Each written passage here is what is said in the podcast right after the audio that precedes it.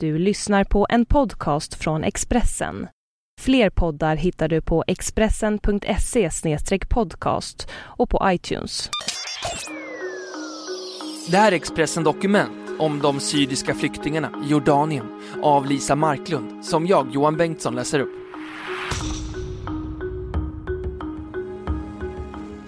Eila förbar sin nedsövda lillebror över gränsen. Shamia blev beskjuten under flykten. Mara var så utmattad att hon sov i två dygn. De är tre av 40 000 barn i flyktinglägret Saatari vid den syriska gränsen. Det värsta som finns är att vara rädd för bomber, säger Eilaf.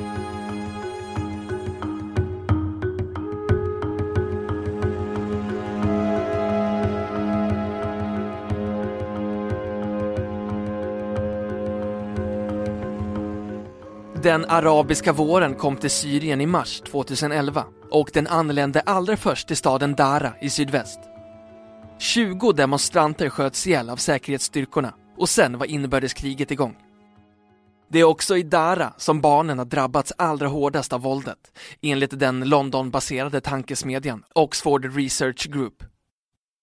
Författarna till rapporten Stulen framtid, Syriens dolda barnaoffer, har kartlagt samtliga dokumenterade dödsfall bland barn under det 30 månader långa kriget och de har gått extremt noggrant tillväga. Deras statistik baseras enbart på namngivna barn där dödsorsaken är helt klarlagd. Här finns inga luftsiffror. 11 420 barn hade dött fram till den 31 augusti 2013. De flesta var sprängda till döds av bomber, men vart fjärde barn hade skjutits ihjäl med handeldvapen. Det mest stötande med slutsatserna i rapporten är inte bara de höga dödstalen, utan hur barnen dödades, skriver Hanna Salama, en av författarna. Hon konstaterar att barnen bombades i sina hem, i skolan, i brödköer medan de var ute och lekte. 764 barn avrättades. 112 av dem torterades först. 389 sköts ihjäl av prickskyttar. Och allra flest dödsoffer, rent procentuellt sett, finns i Dara. Det var där Eilaf växte upp med mamma, pappa, lilla syster och lillebror. Hon var 11 år när kriget kom. Idag har hon hunnit fylla 14 och bor i flyktinglägret Saatari, någon mil in i Jordanien. Bomberna föll hela tiden. Det var pappa som bestämde att vi måste lämna Syrien. Han sa att vi barn måste komma i säkerhet. Den fria syriska armén tog oss över gränsen. De sövde småbarnen, gav dem sömnpiller för att de skulle vara tysta och lättare att bära. Men de var ändå jättetunga. Det var hemskt att gå över bergen, säger hon. Mara var tio år när hon flydde med sin familj. Även hon fick bära sina småsyskon över gränsen och en tung väska. Jag blev väldigt trött och det var väldigt kallt. Det var en hemsk vandring. När vi kom fram till lägret så sov jag i två dygn. Där jag bodde förut var det väldigt grönt. Här är det bara dammigt. De första två månaderna i lägret var hemska, men nu har jag vant mig, säger hon. Lägret Saatari är Jordaniens största. Mara har rätt. Det är oerhört dammigt. Allting är gult. Tälten, stenarna, de karga buskarna. 80 000 människor bor här. Över hälften av dem är barn. Mara och Eilaf går i skolan på dagarna. I klassrum som är överfulla till bristningsgränsen. Det sitter tre barn i varje skolbänk. Undervisningen sker i skift. Flickorna på förmiddagen och pojkarna på eftermiddagen. Det är okej okay i lägret, säger Eilaf. Det är bättre att leva här, för vi slipper vara rädda. Det är det värsta, att vara rädd för bomber hela tiden. Helst av allt vill jag att allting ska bli som förut. Shaima var 11 år när hon och familjen flydde från Dara. Sista natten hemma sov vi ingenting. Vi låg vakna hela natten och hörde bomberna falla. Jag var jätterädd. På morgonen bestämde min pappa att vi skulle åka iväg. Vi tog med oss mat att ha under resan och lite kläder, resten lämnar vi. Vi var 13 personer som flydde samtidigt. Min mamma och pappa och jag och mina syskon.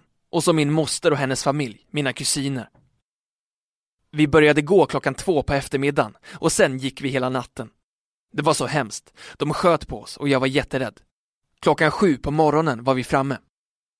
Jag vill åka hem till Syrien så fort jag kan. Jag vill bygga upp allt som har blivit bombat.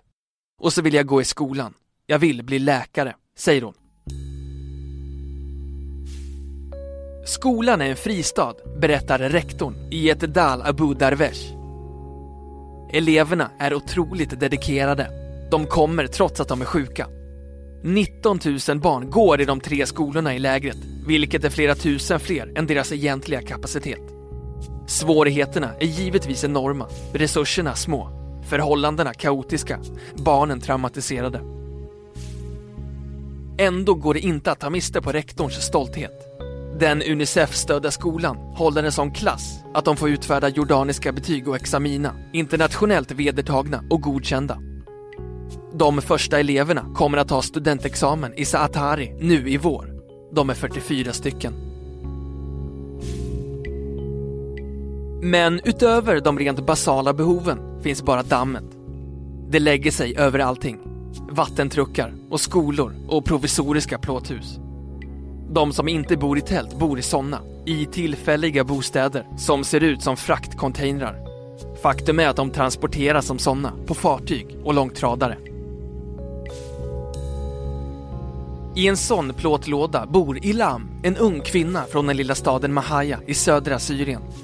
Hon ber oss stiga in, frågar om hon får bjuda på något, lite te kanske. Det finns inga möbler i plåtskjulet, bara madrasser längs väggarna. Ett år har hon bott här. Ilham hade ett bra liv i Mahaya tillsammans med sin man Anas och de fyra barnen. Han jobbade som dataprogrammerare och hon var hemma med barnen och skötte om familjens hus. Armén påstod att våra grannar gömde rebeller, men det gjorde de inte. Armén sprängde deras hus och vår grannfru och hennes tre barn dödades. Då flydde vi i panik. Vi gick om natten och jag grät hela vägen. Sen vi kommit fram grät jag i två veckor.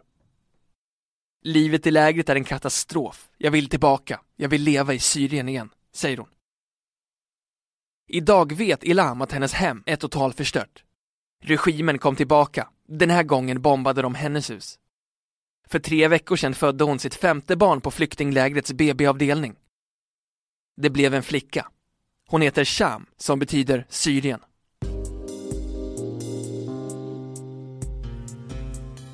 Naden är lärare på en av skolorna i lägret. Hon är gift och har tre barn. Varenda familj i Syrien är på något sätt drabbad av kriget, säger hon. Alla har någon närstående, en släkting, vän eller granne som blivit dödad, skadad eller gripen, säger hon. Själv har hon flytt från Damaskus. Situationen där vi bodde blev bara värre och värre. Till slut kunde vi inte stanna kvar där. Vi åkte till Dara, men efter bara en månad hade situationen blivit så dålig att vi var tvungna att lämna även Dara. Våldet trappades upp, dag för dag. Det värsta är att inte veta vad som ska hända, att framtiden är så oviss. Livet i lägret är hårt. Det är iskallt i tälten om nätterna. Vi har ingen el och ingen spis att laga mat på, säger de. Jordanien, som vanligtvis har 6 miljoner invånare, har tagit emot minst 600 000 syriska flyktingar. Samhället bågnar. Infrastrukturen sväljer inte fler. Bostadspriserna har fördubblats på många håll. Skolorna räcker inte till. Inte sjukvården och inte vattnet. Landet är det fjärde torraste på jorden. Och inte en enda av de syrier vi träffar vill egentligen vara där. Firyal från Aleppo flydde med man och barn för ett år sedan. Hon finns idag i lägret Baka utanför Amman.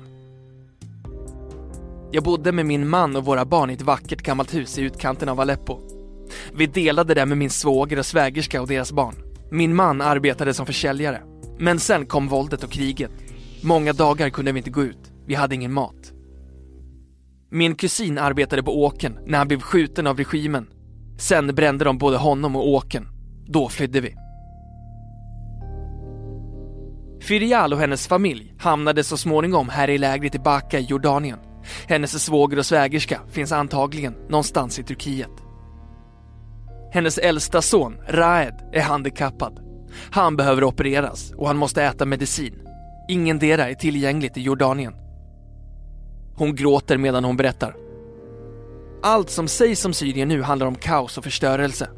Men mitt Syrien är annorlunda. Aleppo är fullt av jasminträd. Det är alltid blomdoft i luften. Jorden är så bördig och allting växer. Mitt hus har en fontän i mitten av gårdsplanen. Trädgården är alltid full av blommor. Hon vet inte vad som har hänt med hennes hem sedan hon flydde. Hon snyter sig i näsduken och sen tittar hon bort. I mitt hjärta står huset kvar, precis som när vi lämnade det, säger hon.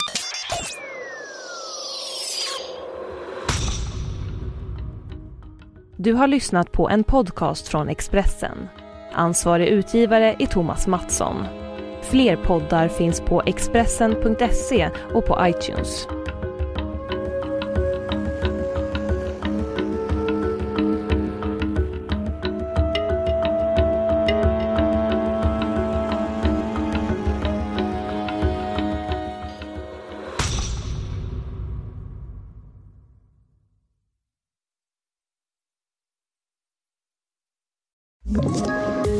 Poddtips från Podplay.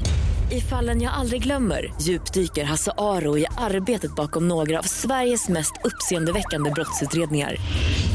Går vi in med hemlig telefonavlyssning och, och då upplever vi att vi får en total förändring av hans beteende. Vad är det som händer nu? Vem är det som läcker? Och så säger han att jag är kriminell, jag har varit kriminell i hela mitt liv men att mörda ett barn, där går min gräns.